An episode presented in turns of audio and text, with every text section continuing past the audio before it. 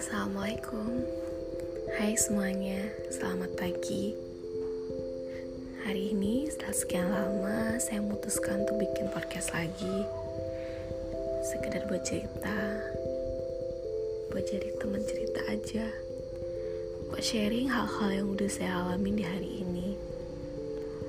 Makanya podcast ini bakal saya namain hari ini.